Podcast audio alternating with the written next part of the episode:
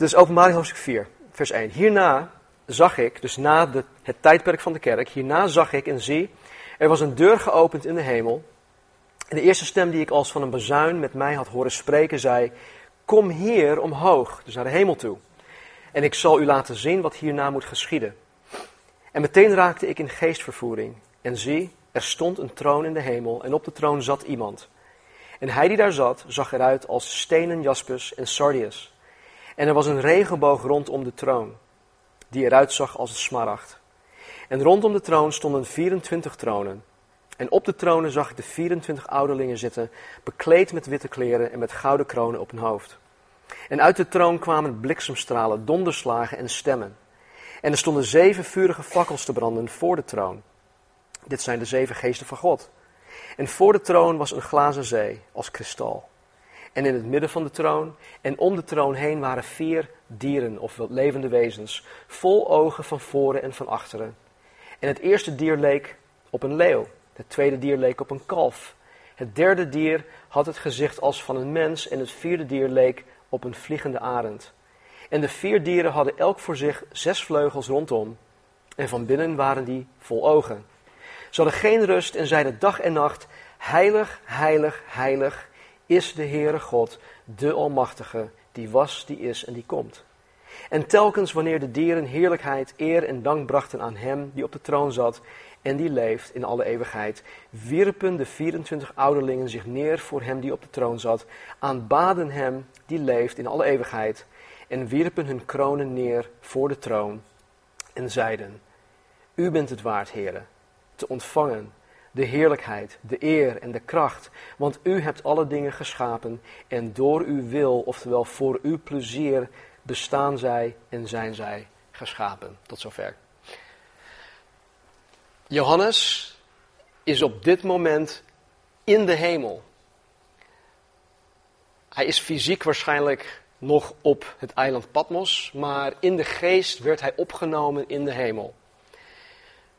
De kerk op dit moment, in de geschiedenis, in de toekomst, is reeds door de Heer opgenomen. De kerk is dus ook in de hemel. En het moment is aangebroken waarin Jezus, Johannes, dingen zal laten zien dat na het tijdperk van de kerk zal geschieden. Dat zegt hij ook in vers 1. Ik zal u laten zien wat hierna moet geschieden. Dus waar we het vanmorgen gaan oppakken, is een, eigenlijk een voortgang van hoofdstuk 4, want er zit geen hoofdstukverdeling in. We gaan gewoon verder met hoofdstuk 4, maar dan noemen we het hoofdstuk 5. En uh, laten we het gewoon gaan lezen. Hoofdstuk 5, vers 1. En ik zag in de rechterhand van hem die op de troon zat, dus God, een boekrol van binnen en van buiten beschreven, verzegeld met zeven zegels. En ik zag een sterke engel die met luide stem uitriep: Wie is het waard de boekrol te openen en zijn zegels te verbreken? Maar er was niemand in de hemel en ook niet op de aarde of onder de aarde die de boekrol kon openen of hem inzien. En ik huilde erg omdat er niemand werd gevonden die het waard was die boekrol te openen, te lezen of in te zien. En een van de ouderlingen zei tegen mij: Huil niet, zie, de leeuw die uit de stam van Juda is, de wortel van David, heeft overwonnen om de boekrol te openen en zijn zeven zegels te verbreken. En ik zag en zie, te midden van de troon en van de vier dieren en te midden van de ouderlingen stond een lam als geslacht met zeven horens en zeven ogen. Dat zijn de zeven geesten van God, die uitgezonden zijn over heel de aarde. En het kwam en het heeft de boekrol genomen uit de rechterhand van hem die op de troon zat. En toen het de boekrol genomen had, wierpen de vier dieren en de 24 ouderlingen zich voor het lam neer. Ze hadden elk een citer, een gouden schalen vol reukwerk. Dit zijn de gebeden van de heiligen. En ze zongen een nieuw lied en zeiden: U bent het waard om de boekrol te nemen en zijn zegels te openen, want u bent geslacht en hebt ons voor God gekocht met uw bloed uit elke stam, taal, volk en natie. En u hebt ons voor onze God gemaakt tot koningen en priesters, en wij zullen als koningen regeren over de aarde. En ik zag en hoorde een geluid van vele engelen rondom de troon, van de dieren en van de ouderlingen, en hun aantal bedroeg tienduizenden, tienduizendtallen en duizenden, duizendtallen. Heel veel dus. En ze zeiden met luide stem: Het lam dat geslacht is, is het waard om de kracht te ontvangen en rijkdom, wijsheid, sterkte, eer, heerlijkheid en dankzegging. En elk schepsel dat in de hemel, op de aarde, onder de aarde en op de zee is, en alles wat daarin is, hoorde ik zeggen: Aan hem die op de troon zit en aan het lam, zij de dankzegging, de eer, de heerlijkheid en de kracht in alle eeuwigheid. En de vier dieren zeiden: Amen. En de 24 ouderlingen wierpen zich neer en aanbaden hem die leeft in alle eeuwigheid. Nou, ik, ik ga nu alvast zeggen dat we um, hoofdstuk 5 vandaag niet af gaan maken. Ik denk dat we hooguit um, tot vers 4 of 5 gaan komen. En dat heeft te maken met het belang van een aantal zaken die we gaan definiëren vandaag. Hoofdstuk 5 um, ehm, is een van de meest significante hoofdstukken in de Bijbel. Het is een van de meest belangrijke hoofdstukken in de Bijbel. Want wat er in, wat er in dit hoofdstuk gebeurt, geeft direct antwoord op veel zaken die wij als christenen, uh, waar wij vragen over hebben. Het geeft direct antwoord op, op vragen die wij als christenen hebben. Um, weet je, er zijn gewoon te veel vragen die christenen hebben om ze, om ze op te noemen vandaag. Maar om even één voorbeeld te noemen. Er is zoveel ellende in de wereld. Zoveel leed. Als God een almachtige, liefdevolle God is, waarom grijpt Hij dan niet in? Hebben jullie die ooit eh, gehoord? Heeft iemand dat ooit aan jullie gevraagd als je het evangelie met iemand probeert te delen? Ja, die heb je zelf ook gevraagd. Het is een terechte vraag. En wat mij betreft beantwoordt openbaring heel specifiek ook deze vraag en nog veel meer vragen. Laten we samen gaan kijken. We gaan er gewoon vers voor vers doorheen. Vers 1. En ik zag in de rechterhand van hem die op de troon zat een boekrol, van binnen en van buiten beschreven, verzegeld met zeven zegels. Nou, wat ik net ook zei, we, we moeten een aantal dingen goed definiëren, anders gaan we dit niet begrijpen. Anders gaan we het niet snappen. Wellicht is dit op het eerste gezicht ja, niet zo belangrijk, het is onbeduidend. Maar het feit dat God de boekrol in zijn rechterhand heeft, zegt heel veel. Het zegt gewoon heel veel.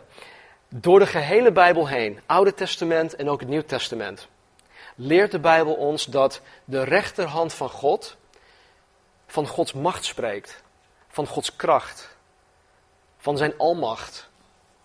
Ik zal even een paar dingen voor, voorlezen. In Exodus 15:6 staat dit. Uw rechterhand, heren, was heerlijk in macht. Uw rechterhand, heren, verpletterde de vijand. Wordt over zijn rechterhand gesproken. In Psalm 21:8. Uw hand, heren, zal al uw vijanden vinden. Uw rechterhand zal hen die u haten vinden. We zullen gaan zien dat de boekrol Gods plan bevat om de goddelozen te gaan straffen. Nou, ik weet dat het merendeel van de mensheid dat niet wil horen. als je het hebt met mensen die nog niet geloven, en als je het dan hebt over zonde, en als je dan hebt dat zonde gestraft moet worden, dan haken mensen vaak af. Want de mens vindt van zichzelf dat de mens goed is. Ik ben toch geen moordenaar, ik ben toch geen terrorist, ik ben toch geen dit of dat, ik ben toch niet zo erg als die en die. Dus ik ben van, ja, intrinsiek vanuit mijn eigen ben ik gewoon, ben ik gewoon goed. Dus waarom zou een liefdevolle, almachtige, goede God de mens gaan straffen? Nogmaals, we zullen gaan zien dat de boekrol Gods plan bevat. Om de goddelozen te gaan straffen. Het is dus passend dat de boekrol in zijn rechterhand zit. En niet in zijn linkerhand. Klein detail, maar het, heeft, het, heeft wel, het is wel van belang. De toekomst ligt dus letterlijk in de rechterhand van God. En ik zag in de rechterhand van hem die op de troon zat een boekrol van binnen en van buiten beschreven, verzegeld met zeven zegels. Nou, zonder uitleg is het onmogelijk om te bepalen wat voor soort document dit is. de boekrol. Wat is dat nou? Gelukkig dienen wij een God die ons niet in het ongewisse wil laten. God wil dat wij dingen te weten komen. Hij is niet zo kinderachtig door te zeggen van, haha, ik weet het, maar jij weet het niet. Nee, God wil dat wij weten wat in de Bijbel staat. En hij geeft ons ook het antwoord in de Bijbel over wat dit is, over wat voor document het is. Alleen niet hier in Openbaring 5. En dat is weer zoiets dat, je, dat God uh, het ons niet makkelijk maakt in die zin dat we zomaar achterover kunnen leunen en, en, en, en alle, allerlei dingen te weten komen. Nee, we moeten ervoor knokken, we moeten gaan graven. Weet je, een van de meest waardevolle eigenschappen van de Bijbel is dat de Bijbel zelf het beste commentaar levert op de Bijbel. Daarmee bedoel ik dat de Bijbel zelf de Bijbel interpreteert. Snap je? Dus als, als je iets niet snapt, dan staat er ergens wel in de Bijbel iets wat jou zal helpen om dat wat je niet snapt te snappen. De Bijbel levert, of de Bijbel zelf interpreteert de Bijbel. Dus om antwoord te krijgen op de vraag van wat deze, de, de, de boekrol is, moeten we in de Bijbel gaan graven. En in dit geval is het niet te vinden in Openbaring, ook niet eens in het Oude Testament. We moeten helemaal terug naar Jeremia de profeet Jeremia, Jeremia 32. Dus als je Bijbel bij je hebt, ga even terug naar Jeremia 32, hoofdstuk 6. Nee, sorry, uh, Jeremia hoofdstuk 32, vers 6. Nogmaals, Jeremia 32, vers 6. Jeremia 32, vers 6, ja. Ik zal het voorlezen en dan zal ik het een en ander uh, erover zeggen.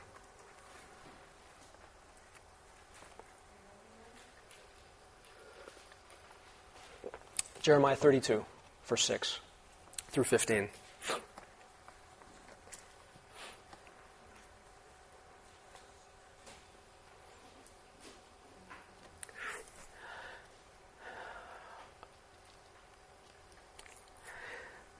Oké, okay. Jeremia zei: Het woord van de Heer kwam tot mij. Zie, Hanameel, de zoon van uw oom, Salem, zal naar u toe komen en zeggen: Koop voor uzelf mijn akker, die in Anatot is, want u hebt het recht van lossing om hem te kopen. Hanameel, de zoon van mijn oom, kwam overeenkomstig het woord van de Heer naar me toe, op het binnenplein van de wacht. En hij zei tegen mij, koop toch mijn akker die in Anatot is, dat in het land van Benjamin is, want u hebt het recht van bezit en u hebt het recht van lossing. Koop hem voor uzelf. Toen wist ik dat dit het woord van de Heer was. Dus kocht ik van Hanameel, de zoon van mijn oom, de akker die in Anatot was. Ik woog voor hem het geld af, 17 sikkel zilver. Ik ondertekende de koopbrief en verzegelde die en liet door getuigen bevestigen dat ik het geld op een weegschaal had afgewogen. Ik nam de koopbrief, die volgens het gebod en de verordeningen verzegeld was, en de opengelaten brief. En gaf de koopbrief aan Baruch, de zoon van Neria, de zoon van Machsa. Voor de ogen van Hanamael, de zoon van mijn oom. Voor de ogen van de getuigen die de koopbrief hadden ondertekend. En voor de ogen van alle Judeërs die op het binnenplein van de wacht zaten. Dus een hoop getuigen waren erbij. Ik gaf Baruch voor hun ogen deze opdracht en ik zei tegen hem: Zo zegt de Heere van de legermachten, de God van Israël. Neem deze brieven, neem deze brieven, deze koopbrief, de verzegelde en deze opengelaten brief, doe ze in een aardepot zodat ze vele dagen in goede staat blijven. Want, zo zegt de Heer van de legermachten, de God van Israël, er zullen weer huizen en akkers en wijngaarden gekocht worden in dit land. Tot zover. In, in, in dit schriftgedeelte staat Jeruzalem en heel het koninkrijk Juda, dat is het zuidelijk, het zuidelijk koninkrijk. Op dit moment was Israël verdeeld in het noordelijk koninkrijk en het zuidelijk koninkrijk. Dus op dit moment staat Jeruzalem, het hele koninkrijk Juda, op het punt om binnengevallen te worden. Ze worden aangevallen. En ze worden binnengevallen door het Babylonisch leger. En alle Judeërs, dus alle Joden, staan op dat moment op het punt om door het Babylonisch leger weggevoerd te worden naar Babel of Babylonië. Ze gaan in ballingschap. Deze neef van Jeremia, Hanameel, wist dat zijn stuk grond na de invasie helemaal niets waard zou zijn. Dus, als een goede Judeër, probeert hij het nog voor de invasie te gaan verkopen. Ralf snapt hem. En wat doet God? God beveelt Jeremia om dit stuk, van, van, dit stuk grond van HML over te nemen. Kijk, menselijk gezien is dat natuurlijk geen goede zet. Je koopt een stuk grond, in een, binnen een mom van tijd is het niks meer waard. Maar God geeft hem juist de opdracht om het van die neef van hem over te nemen. Kijk, het is zo dat op het moment dat het Babylonisch leger binnenvalt, het stuk grond in handen van Babel zou komen. de bezettingsmacht. En het zou voor Jeremia totaal geen waarde meer hebben. Lang verhaal kort. Op bevel van God neemt Jeremia het stuk grond officieel van Hanamel over. In de aanwezigheid van getuigen ondertekent Jeremia de koopbrief. Oftewel, het is een eigendomsakte. Hij verzegelt deze zodat niemand inzage erin krijgt behalve de rechtmatige eigenaar. Naast deze verzegelde koopbrief was er ook een opengelaten brief die normaliter door de gemeentelijke archivaris bewaard werd. En in dit geval, omdat het land bezet zou worden door de Babyloniërs, gaf God de opdracht om zowel de verzegelde als ook de opengelaten brief um, in een aarden pot te bewaren en deze te begraven. God gaf aan Jeremia de opdracht om een stuk grond te kopen dat hij voor een tijd kwijt zou raken wegens de ballingschap. De ballingschap zou 70 jaar duren. Nou, de reden waarom Jeremia, of de reden waarom God Jeremia deze opdracht gaf om het te kopen, was om aan te geven dat hun ballingschap van tijdelijke aard was. Het duurde ook echt 70 jaar lang, zoals God het God gezegd had. Tijdens de ballingschap werd het stuk grond van Jeremia door een, een ik, ik, weet, usurpator, zeg je dat goed? Ja? Weet je wat het is? Usurpator? Ja, usurper. Het is een uh, onrechtmatige bezitnemer. Usurpator, duur woord. Um, dus tijdens de ballingschap werd um, het stuk grond van Jeremia door een usurpator in beslag genomen. Maar omdat God in vers 15 beloofd had dat huizen, akkers en wijngaarden weer in het land gekocht zouden worden, wist Jeremia gewoon dat deze usurpator uiteindelijk het land uit zou gaan en dat de rechtmatige eigenaar het land terug zou krijgen. En hij, en hij wist dat alleen maar op basis van wat God had gezegd. Niets anders. Hij nam God um, aan zijn woord, op zijn woord. Ja? You know what I'm talking about. Nou, wat heeft dit met openbaring 5 te maken? Vraag je jezelf misschien af. Johannes schrijft, en ik zag in de rechterhand van hem die op de troon zat een boekrol van binnen en van buiten beschreven, verzegeld met zeven zegels. We hadden het net in Jeremia over een eigendomsakte van een stuk grond. De boekrol dat Johannes in de rechterhand van God ziet, is de eigendomsakte van de wereld. Het is de eigendomsakte van de wereld. Om helemaal terug te gaan naar Genesis. Genesis hoofdstuk 1. In Genesis 1, vers 26 en 28, nadat God alles geschapen had, gaf God de heerschappij over heel de aarde aan wie? Aan Adam en Eva. God gaf de heerschappij over de hele aarde aan Adam en Eva. Hij gaf het aan hun. Zij moesten het beheren. Zij hadden de heerschappij daarover. Maar doordat Adam en Eva gezondigd hadden, werd de gehele schepping vervloekt. De gehele schepping werd vervloekt. En over heel de aarde uh, kwam uh, de zonde te, te heersen. En heel de aarde kwam in handen van een usurpator. Wie is dat? Satan de onrechtmatige bezitnemer van de aarde. 2 Korinthe 4:4 noemt Satan de God van deze wereld. Satan wordt in de Bijbel genoemd de God van deze wereld. Weet u nog, toen Jezus na zijn doop kwam hij uit het water, de Heilige Geest kwam op hem in de vorm van een duif. En dan staat er dat hij door de Heilige Geest ehm, naar het wildernis toe gedreven werd. Daar werd hij dus 40 dagen lang ehm, beproefd door Satan.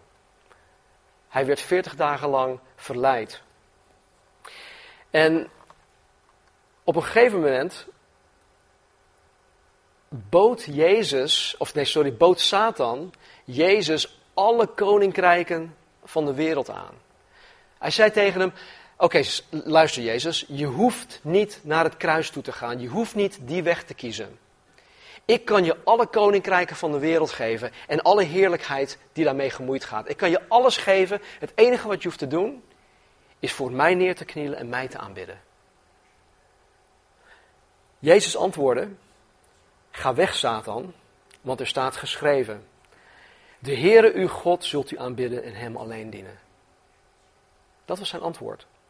Nou, wat hierin zo opvallend is, is dat Jezus absoluut niet ontkende dat Satan alle koninkrijken van de wereld tot zijn bezit had. Om ze aan Jezus te kunnen geven. Hij raakte niet in discussie met Satan, maar, maar hallo, het is van mij, want in de psalmen staat dat alles van mij is. Het was geen wel eens niet eens verhaal. Nee, hij gaf gewoon toe dat, ja, je hebt, je hebt gelijk. Het is van jou om aan mij aan te bieden, maar er is een ander plan.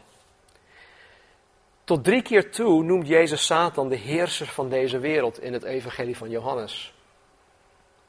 In 1 Johannes 5:19 staat dat de hele wereld in de macht van de duivel is.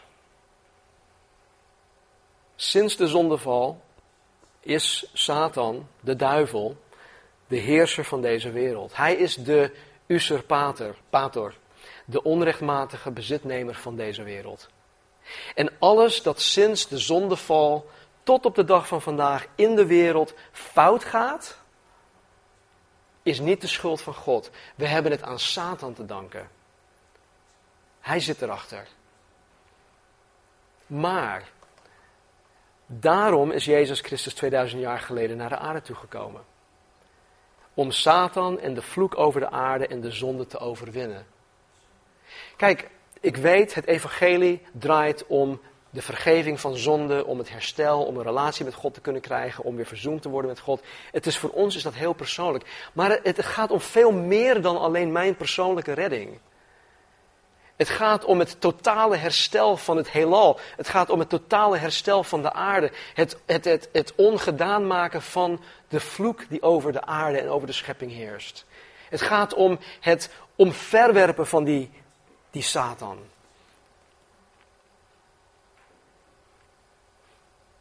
In Johannes 12 sprak Jezus met zijn discipelen over het feit dat hij gekruisigd moest worden. En dat gesprek had hij vaker met zijn discipelen. En met het oog op zijn dood aan het kruis zei Jezus dit. Nu wordt het oordeel over deze wereld geveld. Nu gaat de vorst van deze wereld ontroond worden. Over wie had hij het? Hij had het over Satan. Hij heeft Satan overwonnen aan het kruis. Dat zag Satan niet aankomen. Dat had hij nooit verwacht. Door Jezus' komst naar de aarde toe als mens en door zijn dood aan het kruis heeft Jezus de usurpator Satan volledig overwonnen. Overwonnen. Het eindvonnis staat gewoon vast. Punt uit. Het is nu alleen nog een kwestie van tijd. Wij, anno 2016, wachten op het moment dat Gods recht gaat zegenvieren. Daar verlangen we naar. In de Romeinen staat dat de gehele schepping zucht naar dit moment. Wacht op dit moment. En dat moment is wat Johannes in Openbaring 5 ziet gebeuren. Hij is naar de toekomst gebracht. in de hemel opgenomen. En Jezus laat hem zien, dit gaat gebeuren, dit staat de wereld te wachten.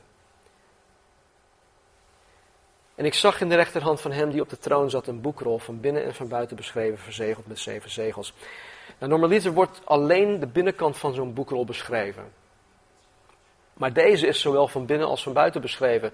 En een aantal commentatoren zeggen dat dit van de compleetheid of van de volledigheid van de inhoud spreekt. Het is met zeven zegels verzegeld.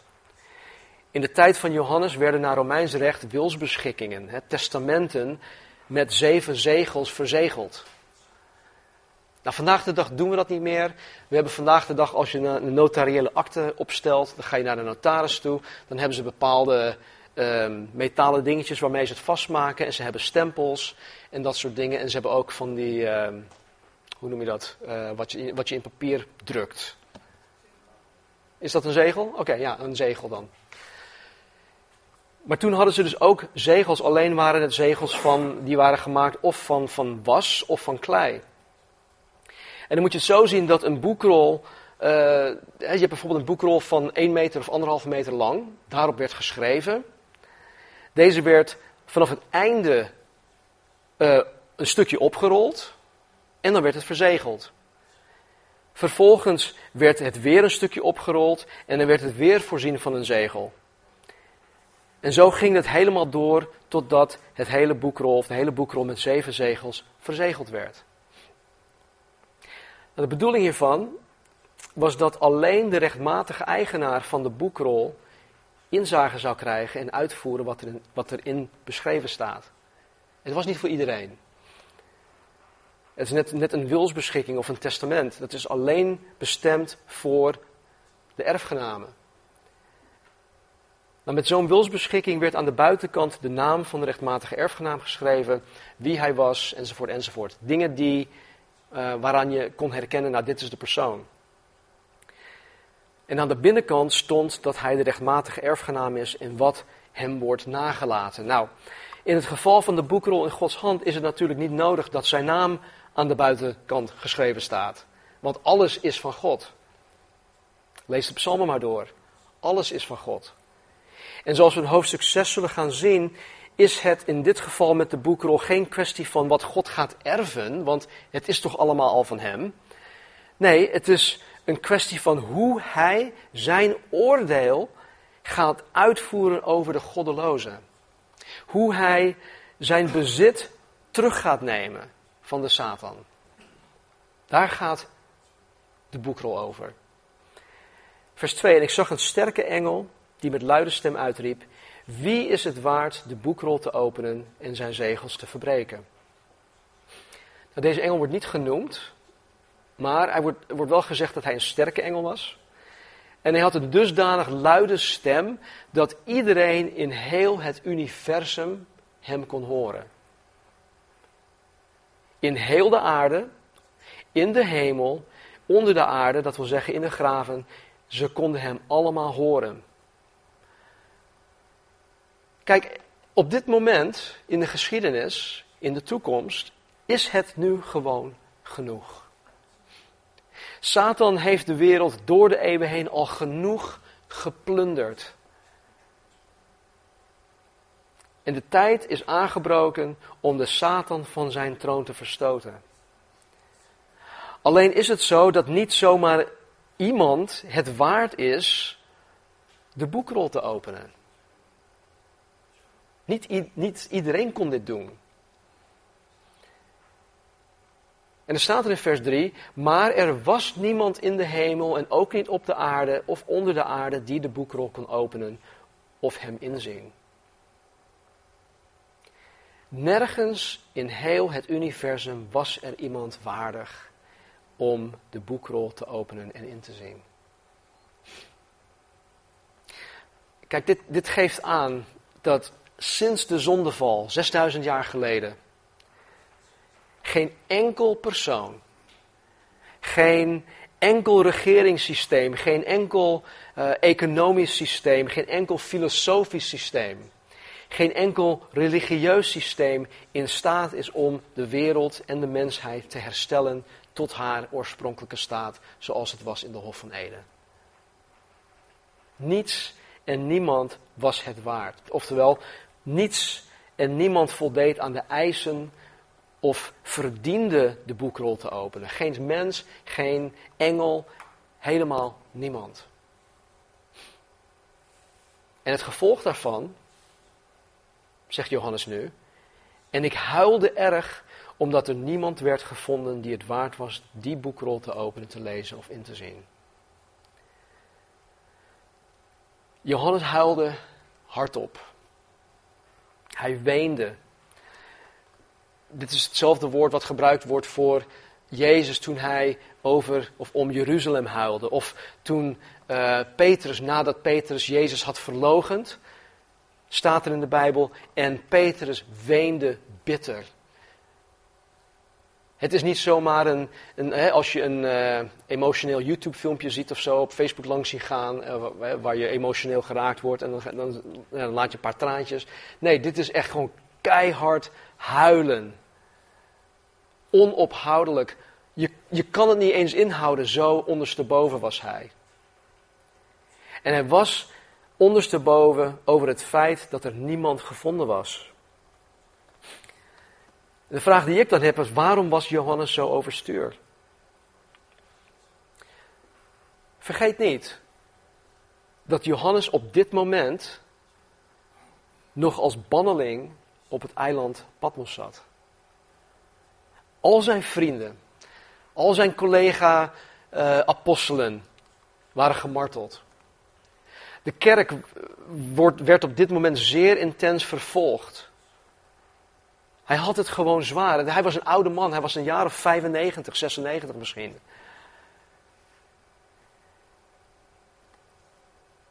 En zijn enige hoop op dat moment was dat Jezus inderdaad alles weer goed zou maken. Dat was zijn enige hoop. Maar nu dat hij in de hemel is en, en ja, tot het besef komt dat er zelfs in de hemel, in het hoofdkwartier, niemand in staat is om de Satan omver te werpen. En dat er niemand is om de vloek over de aarde ongedaan te maken. Dat er niemand is om de mensheid en de schepping te verlossen van de zonde. Daardoor is Johannes gewoon alle hoop kwijt. En, het, en, wat doet hij? Hij barst gewoon uit in tranen.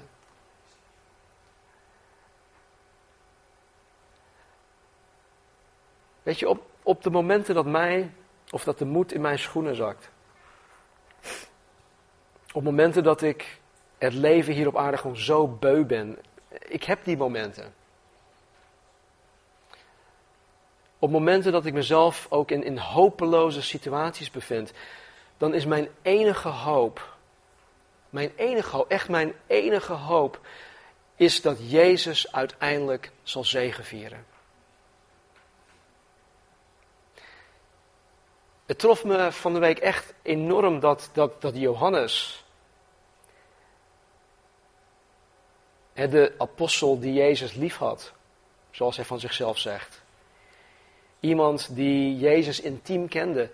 Dat hij een moment had van, van totale hopeloosheid. En dat hij alleen maar uitbarstte in huilen en in wenen. De reden waarom dat mij zo raakte is omdat. Kijk, mijn situaties, hoe erg ze ook voor mij lijken en voelen, zijn niets in vergelijking met, met wat Johannes hier ervoor. Wat hij voor ogen had. Johannes denkt niet eens aan zichzelf.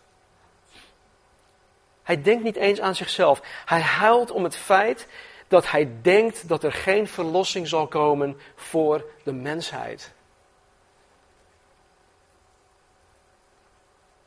Hij denkt dat de Satan nu gewoon voor altijd door kan gaan. Dat Satan gewoon zijn gang kan blijven gaan om Gods schepping te blijven plunderen. Daarom huilt hij. Hij is alle hoop kwijt, want er is niemand. Er is niemand om de boekrol te openen. Vers 5. En een van de ouderlingen zei tegen mij: Huil niet. Zie, de leeuw die uit de stam van Juda is, de wortel van David, heeft overwonnen om de boekrol te openen en zijn zeven zegels te verbreken. Huil niet. Weet niet hoe lang Johannes heeft gehuild. Weet ook niet hoe lang het heeft geduurd voordat hij uiteindelijk ophield met huilen. Maar deze ouderling, een van de 24 die de kerk vertegenwoordigt, zei tegen hem: Huil niet. Ik vind het belangrijk dat het een van de ouderlingen is die dit tegen Johannes zegt. Want deze ouderling was, net als Johannes, een verloste en opgenomen kind van God. Hij was een broeder van Johannes. En als een broeder van Johannes, Johannes wist hij als geen ander waar Johannes op dit moment doorheen ging. Een engel kon de hopeloosheid van Johannes niet aanvoelen. Maar, maar deze ouderling wel. En daarom vind ik het lichaam van Jezus zo belangrijk. En ook zo mooi. En, en want wij als, als wedergeboren, geestvervulde christenen weten waar wij als mensen hier op aarde doorheen gaan. De narigheid die wij meemaken. Dat gebeurt niet zomaar. God laat het in ons leven toe, zodat wij anderen kunnen helpen om door hun narigheid heen te komen. Dat we medeleven hebben, dat we medelijden hebben. Zoals deze ouderling precies wist op dat moment waar Johannes doorheen ging. En wat zegt hij? Hij zegt: huil niet. De Bijbel zegt dat wij ons, uh, elkaars lasten horen te dragen. En dat willen wij ook, dat doen wij ook. Wij kunnen elkaar tot steun zijn, we kunnen elkaar aanvoelen. Deze ouderling zei tegen Johannes: huil niet. Vaak kunnen we als mensen tegen elkaar zeggen om niet te huilen. Toch? Misschien als ouder zijnde zeg je tegen je kind om niet te huilen.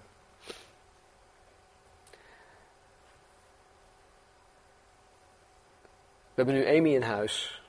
Ze is nu anderhalf jaar oud en af en toe maakt ze een misstap en dan ja, heeft ze hoop pijn. En soms is het zo erg dat ze ja, iets doet, haar hoofd stoot of iets en dan gaat de mond open. En dan hoor je drie of vier seconden hoor je helemaal niks en dan in één keer bah! En het eerste wat je dan wil doen is, oh kom schat, kom bij opa of kom bij oma of kom bij mama. Oh ja, je probeert het te sussen, oh, huil niet.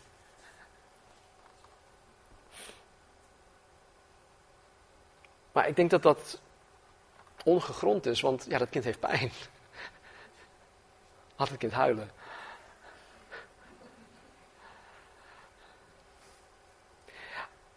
Maar hier zegt de ouderling, om niet te huilen, omdat er wel degelijk een goede reden is om niet te huilen. Er is een hele goede reden om niet te huilen. En de reden is omdat Jezus op het punt staat om iets te gaan doen.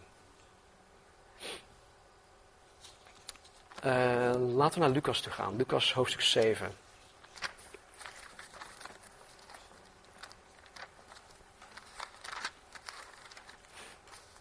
Lucas 7, vers 11.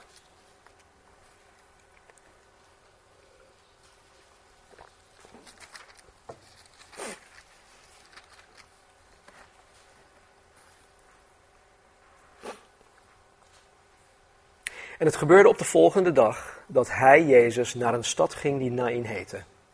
En veel van zijn discipelen en een grote menigte gingen met hem mee. Toen hij nu de poort van de stad naderde, zie daar, er werd een dode uitgedragen. Hij was de enige zoon van zijn moeder en zij was weduwe.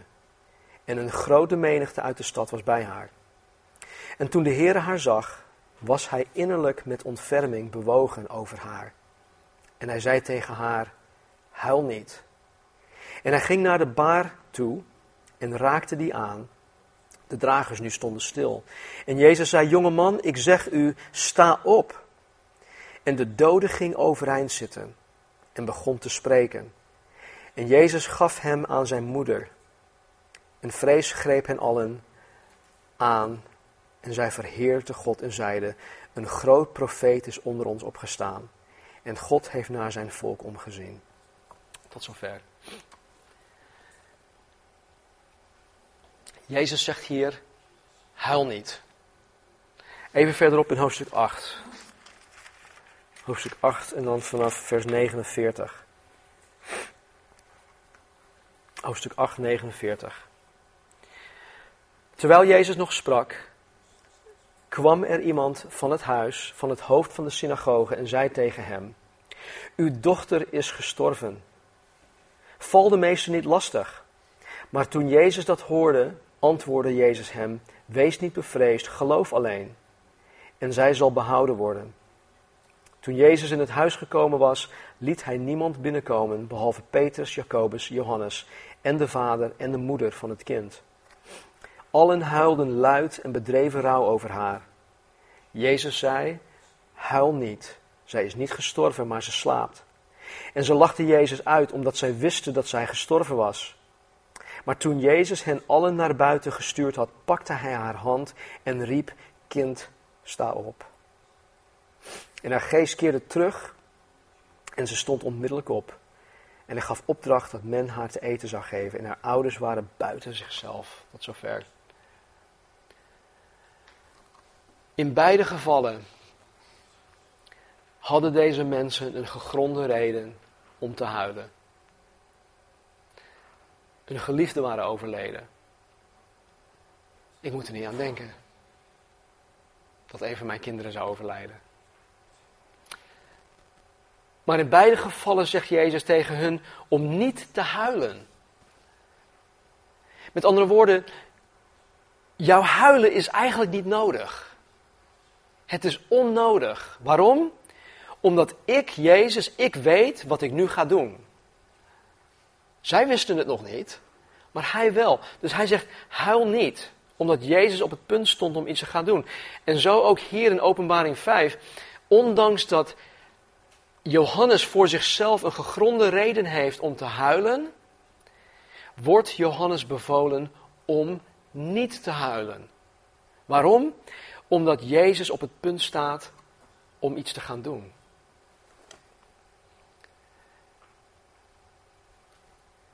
Ik weet niet van alles hè, wat in jullie levens gebeurt. Ik weet van sommige, sommige dingen. Maar misschien heb je vanmorgen een gegronde reden om te huilen. Misschien heb je vandaag gewoon een goede reden om te huilen. Misschien is er al jarenlang iets mis in jouw leven, of misschien mis je al jarenlang iets in jouw leven. Misschien zie je bepaalde zaken in je leven gewoon niet meer zitten. En, en je weet niet wat je moet doen, je weet niet uh, wie je het kan vragen, je weet, je weet het gewoon niet meer. En als je erbij stilstaat en als je erover gaat nadenken en over gaat piekeren en als je helemaal uh, alleen bent, het enige wat je wil doen of kan doen, is te huilen. En God weet dat. God is begaan met ons. Hij heeft medelijden met ons. Misschien heb je de hoop opgegeven op, op een gebied in, uh, in je leven. En je hebt gewoon voldoende reden om te huilen. Ik kan zelf twintig dingen noemen die mij reden geven om te huilen.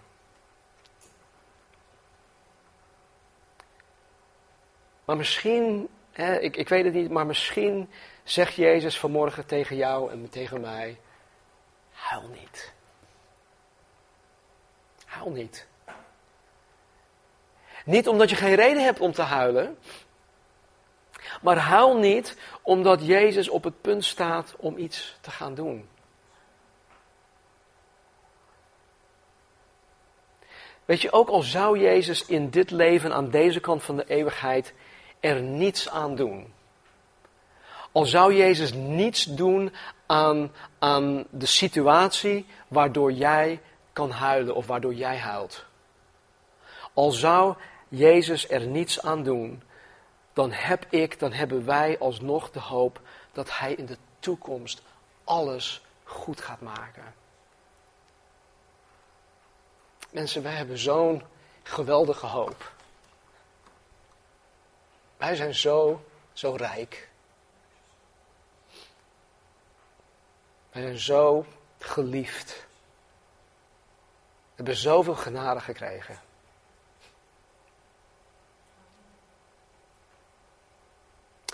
Dus huil niet. Zie de leeuw die uit de stam van Juda is, de wortel van David, heeft overwonnen. Om de boekrol te openen en zijn zeven zegels te verbreken. Jezus wordt hier de leeuw die uit de stam van Juda is genoemd. Heb je ooit die films van uh, eh, C.S. Lewis gezien? Van uh, Narnia? Waar Jezus ook, of ja, Jezus ook afgebeeld wordt als de koning, als de leeuw. De leeuw is de koning der dieren. Het is dus ook passend dat Jezus als een leeuw gezien wordt. Er werd mij verteld door iemand die in Afrika woont dat wanneer een, man, een mannenleeuw brult, hè, als hij dus echt met, vanuit zijn tenen brult, dat dat kilometers verderop te horen is. Zo hard is dat geluid, zo luid brult de leeuw. Nou, Jezus is als 2000 jaar geleden als een mak lammetje gekomen, die geslacht is. Maar hier wordt hij de leeuw uit de stam van Juda genoemd. En dat hij, um, of dat Jezus uit de stam van Juda is, dat heeft, dat heeft te maken met een profetie uit uh, Genesis 49. Op dit moment um, heb je Jacob, die is al oud. Hij zegent zijn zoons. En tegen Juda, een van zijn zoons, zegt hij tegen, tegen hem dat hij een leeuwenwelp is. En dat de scepter, dat wil zeggen de uiteindelijke koningschap van de Messias, uit de, sam, de stam van Juda voort zal komen. Het is dus een belofte, het is een profetie. En hier wordt het vervuld. Dat Jezus de wortel van David genoemd wordt, heeft ook met profetieën te maken dat de Messias voort zal komen uit het geslacht van koning David. En als je de geslachtsregisters registers uit Matthäus en Lucas leest, dan zie je dat zowel de moeder van Jezus, Maria, als ook Jozef, zijn stiefvader, even stiefvader genoemd, dat ze allebei nakomelingen van Jezus zijn, van uh, koning David zijn, sorry. En deze leeuw heeft overwonnen om de boekrol te openen en zijn zeven zegels te verbreken. Tot slot dit. Jezus zegt tegen zijn discipelen in Johannes 16:33: Dit heb ik jullie gezegd om jullie vrede te doen vinden bij mij. Vrede vinden bij Jezus. In deze wereld krijgen jullie het zwaar te verduren, zegt Jezus tegen zijn volgelingen. In deze wereld krijgen jullie het zwaar te verduren, maar houd moed, ik heb de wereld overwonnen. Op Golgotha, aan het kruis, heeft Jezus de Satan overwonnen. Jezus heeft de wereld overwonnen. Het wereldsysteem. Hij heeft de zonde overwonnen. Hij heeft de dood overwonnen. Dit zijn de kwalificaties die Jezus in staat stelt om waardig te zijn om de boekrol te openen en zijn zeven zegels te verbreken. Niemand anders heeft deze um, kwalificaties, deze credentials, alleen Jezus. Niemand in het heelal, alleen Jezus. En dit gaf Johannes ontzettend veel hoop. Dit gaf Johannes weer hoop. De vraag is op, op wie of op wat heb jij jouw hoop gesteld? De overheid?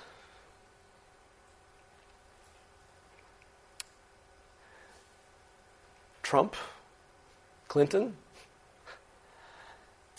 de sociale verzekeringsbank misschien, je pensioen, de effectenbeurs. Misschien heb je je hoop op jezelf gesteld, je goede werken. Misschien heb je je hoop gesteld in het feit dat je elke zondag in de kerk zit. Doe maar wat. Ik hoop toch echt dat een ieder van ons onze hoop op Jezus Christus hebben gesteld.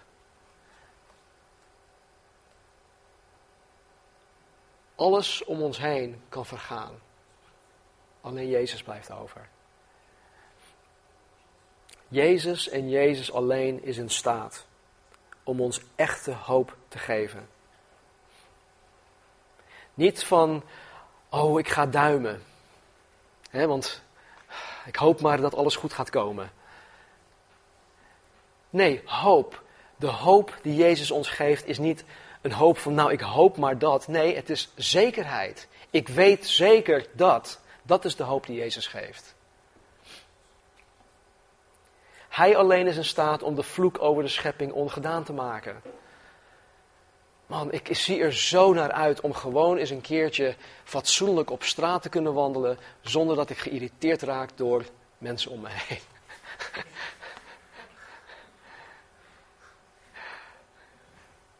Jullie niet dan? Of dat mensen door mij geïrriteerd raken, hè? Dat, dat, dat staat voorop. Maar in zijn koninkrijk zal het gewoon heerlijk zijn om met normale mensen om te kunnen gaan. Zonderloze mensen.